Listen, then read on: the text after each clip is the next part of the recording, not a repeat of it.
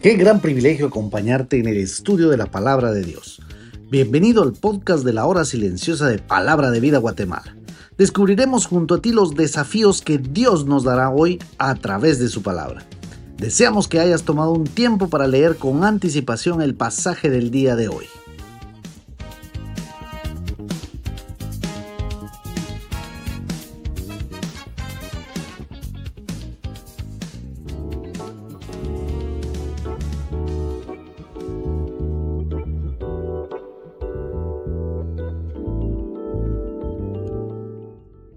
Muy buenos días queridos amigos. Es una alegría para mí compartir con ustedes nuevamente el comentario de la hora silenciosa. Hoy estamos en 1 de Corintios capítulo 6 versículos del 1 al 11. Pablo sigue enfocado en los problemas existentes en la iglesia de Corinto y comienza este capítulo reprendiendo a los hermanos de llevar sus pleitos ante los tribunales del Estado. ¿Se atreve alguno de vosotros? dice en el verso 1. Y es como si dijese, es posible que algún miembro de vuestra congregación tenga la cara tan dura como para llevar a los tribunales a otro hermano de la misma fe y aún de la misma asamblea. Este problema también era muestra del espíritu divisionista que afectaba a la congregación. Con la frase introductoria, ¿o no sabéis como dice en el verso 2, Pablo señala ciertas verdades que habrían evitado el problema desde el principio.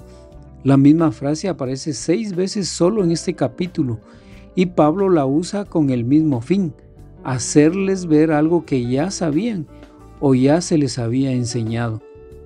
La implicación de que la iglesia debía saber las cosas que Pablo menciona debe haberles impactado de forma penosa y sobre todo porque era una iglesia fascinada con su conocimiento y sabiduría. Esta situación tenía muy molesto a Pablo, y no solamente dividía a la iglesia, sino también era un obstáculo a la obra entre los no creyentes. Los creyentes en Cristo necesitaban arreglar sus diferencias como hermanos y no como adversarios. La primera vez que Pablo usa la frase, o no sabéis, es precisamente en este capítulo y tiene que ver con el papel que tendrá el creyente en el juicio.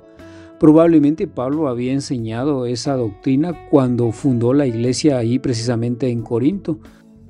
¿O no sabéis que los santos, es decir, los creyentes, han de juzgar al mundo, dice en el verso 2? ¿O no sabéis que hemos de juzgar a los ángeles, dice también en el verso 3? La palabra juzgar equivale con frecuencia en la Biblia a gobernar y es muy probable que aquí no signifique que los creyentes han de participar con el Señor en el acto de dictar sentencia en el juicio final en contra o a favor de los habitantes de la tierra. La elevada posición que en Cristo o con Cristo se muestra aquí, más bien es un, en un sentido de preeminencia y dominio, como dice en Hebreos 2.5 en adelante. Entendemos entonces que no se trata de dictar sentencia en el caso de los ángeles.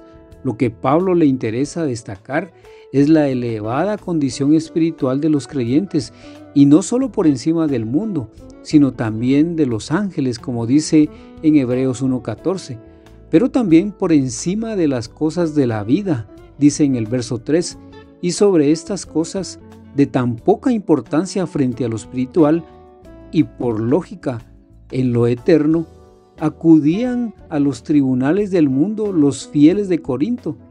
¡Qué degradación y qué vergüenza! ¿Por qué ponéis para juzgar a los que son de menor estima en la iglesia? dice el verso 4.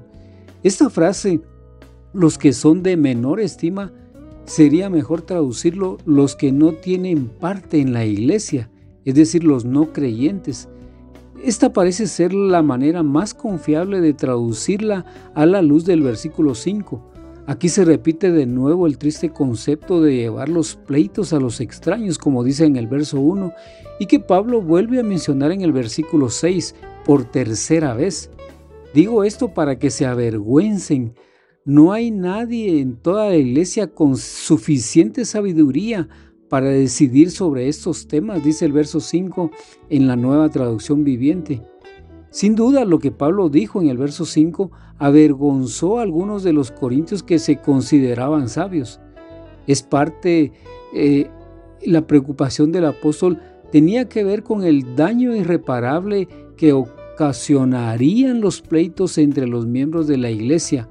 Lo hago por causa del Evangelio, dijo en el capítulo 9 y verso 23. Sin lugar a duda, las demandas judiciales en los tribunales civiles no glorifican a Dios.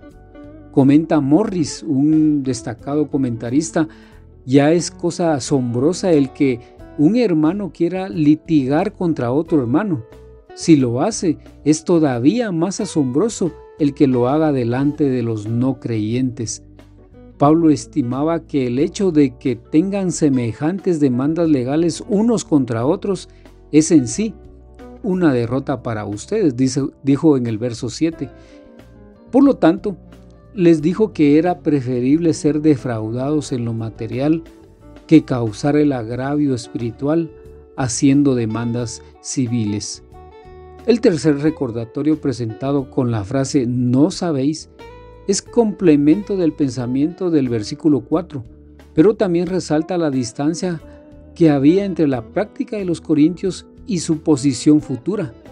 Los injustos no tendrán parte en el reino de Dios porque no tienen parentesco o ninguna relación con Cristo, quien es el heredero.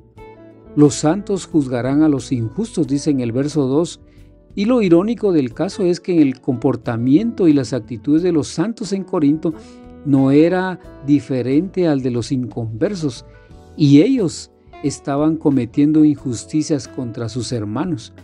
Pablo describe al inconverso con la palabra eh, griega adikoi, los injustos, los malvados, y aparece en el verso 9 y también en el verso 1.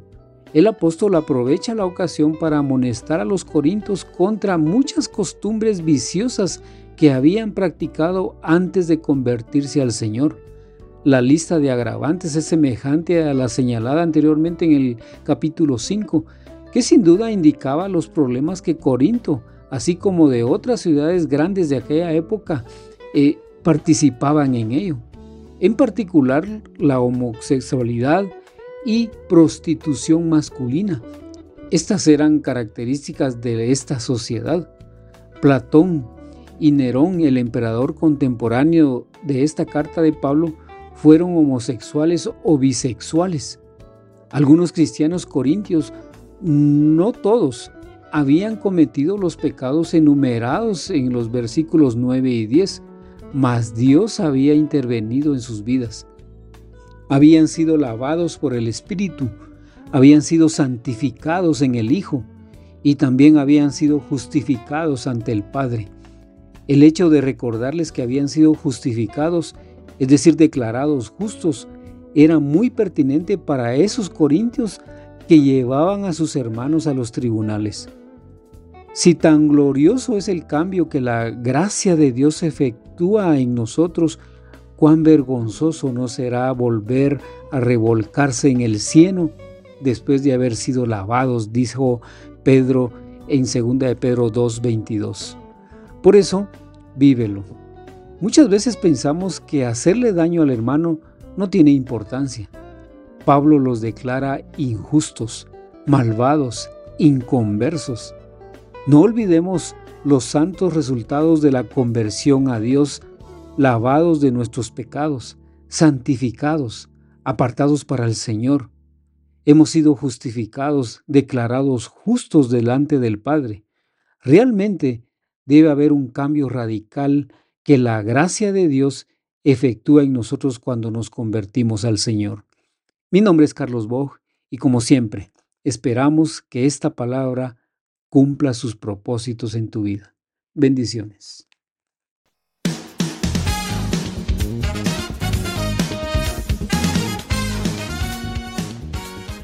Es emocionante saber los tesoros que Dios tiene en su palabra para nosotros.